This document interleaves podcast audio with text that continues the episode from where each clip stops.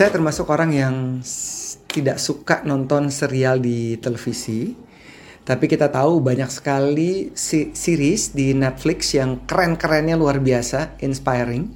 Dan kemudian seseorang merekomendasi saya, maksudnya agak sedikit memotivasi saya untuk nonton The Crown. Saya udah dengar dari banyak orang tentang betapa bagusnya serial ini dan ternyata serial ini juga seriesnya banyak banget mengkonsumsi waktu yang sangat banyak. Mulailah saya penasaran, apalagi ini adalah sebuah cerita beneran yang dialami oleh monarki Inggris. Mulai dari ayahnya Ratu Elizabeth, keluarga besarnya, dan lain-lain. Nah, banyak sekali pembelajaran yang saya dapatkan dan membuat saya sangat addicted.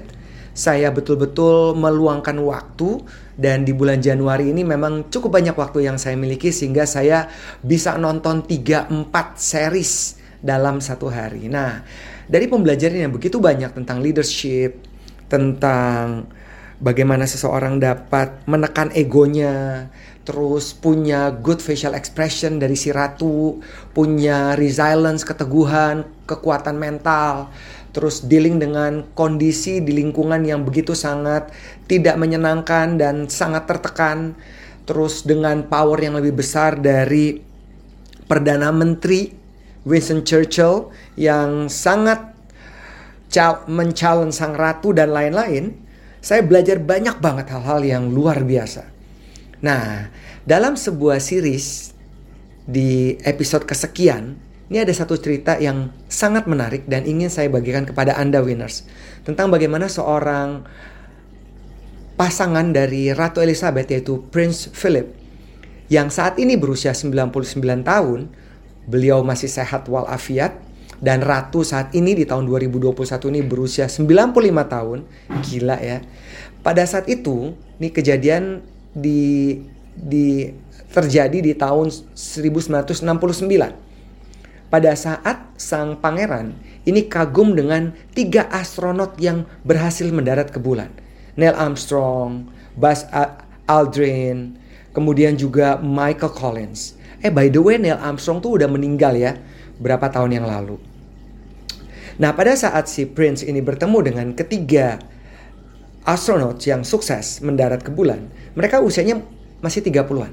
Dan sang prince ini ngotot ingin memiliki waktu interview mereka bertiga tanpa ada interfering dari ratu dan juga dari keluarga maupun dari pemerintahan. Dibuatlah waktu dan sang pangeran sudah mempersiapkan secari kertas yang sudah dipikirkan matang-matang kira-kira bentuk pertanyaan apa saja ingin ditanyakan. Intinya adalah ketika momen itu terjadi, yang ditanyakan oleh sang pangeran adalah, lo melihat apa di bulan? Lo dapat perspektif apa di bulan? Terus pas menunggu jawaban dari tiga orang astronot ini, mereka bilang nggak lihat apa-apa. Kami tuh sibuk pegang kertas, ngelihat harus fokus kepada pesawat yang kami bawa. Kami harus ngukur temperatur, kami harus menghitung detik demi detik yang sangat berharga. Dan kami juga jarang tidur. Jadi kami nggak lihat tuh perspektif lain yang ditanyakan oleh sang prince. Jadi sang prince menjadi kecewa.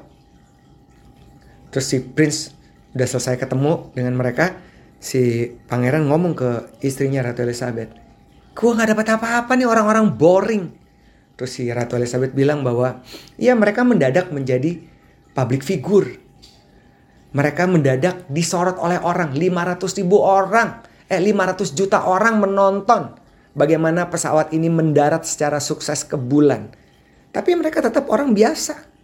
Yang mereka lakukan adalah sebuah folk apa fokus dan prestasi dalam bisa mendarat di bulan dengan baik.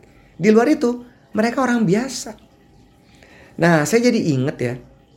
Saya jadi inget waktu Desember tahun lalu, kami sedang ngumpul-kumpul dengan beberapa teman dan kemudian teman saya cerita tentang pendapatan yang diperoleh oleh seorang YouTuber dan pasangannya setiap bulan 300 ribu US dollar.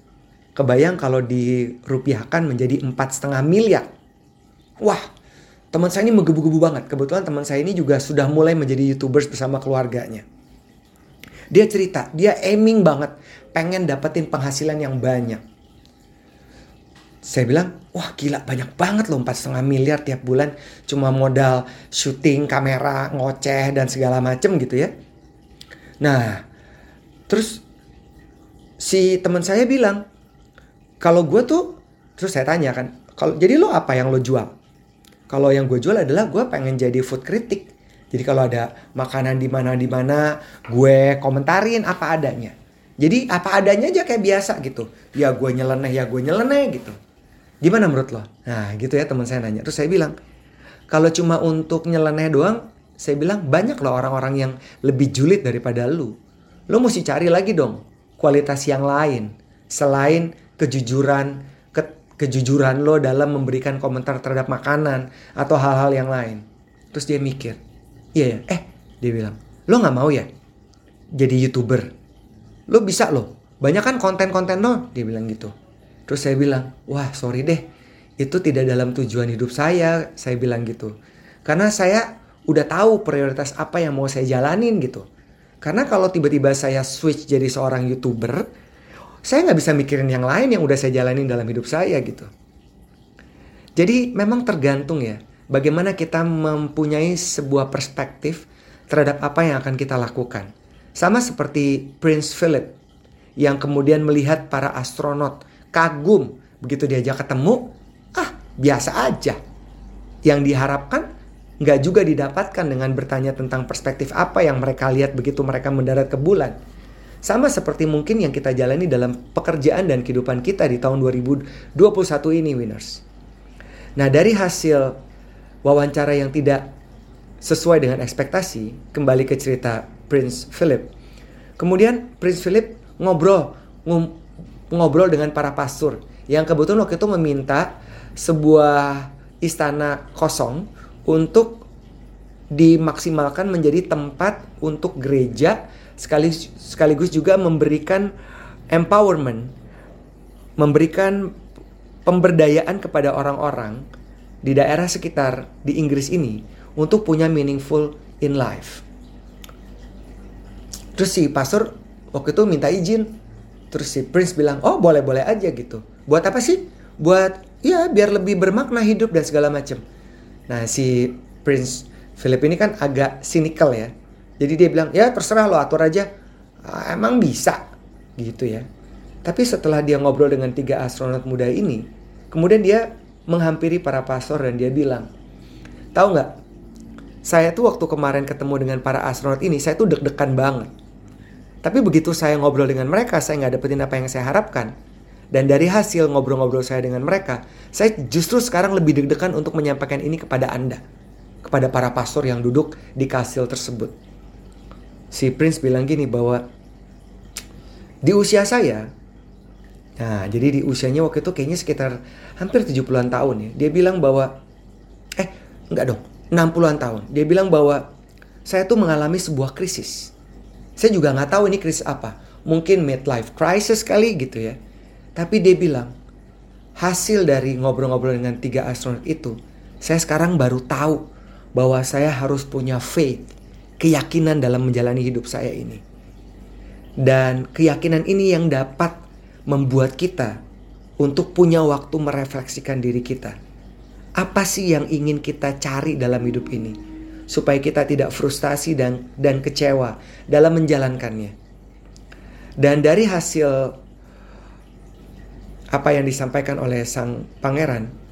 Kemudian juga sang pangeran kemudian berhubungan sangat baik dengan sang pastor selama sisa selama 50 tahun terakhir di dalam sang pangeran menjalankan perannya. Dan ini memberikan kontribusi yang besar dalam hidup seseorang. Jadi untuk menghadapi tahun 2021 ini winners, mari kita kuatin faith kita, keyakinan kita. Kalau saya menganggap tahun ini adalah tahun yang menantang dan juga menjanjikan. Bagaimana dengan Anda?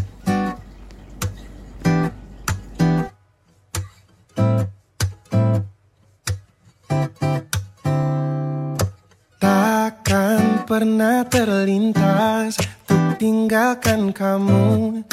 Jauh dariku Kasihku Karena aku milikmu. Kamu milikku Separuh nyawaku Hidup bersamamu Berdua kita lewati. Meski hujan badai takkan berhenti. Takkan berhenti. Sehidup semati Mentari pun tahu Ku cinta padamu. Percaya Aku takkan ke mana-mana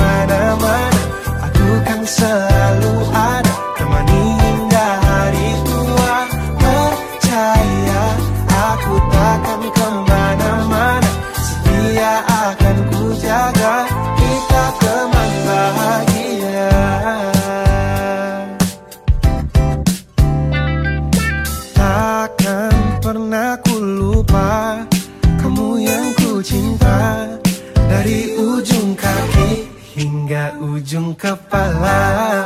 Aku ingin kamu Kamu yang ku mau Belahan jiwaku Kamu masa depanku.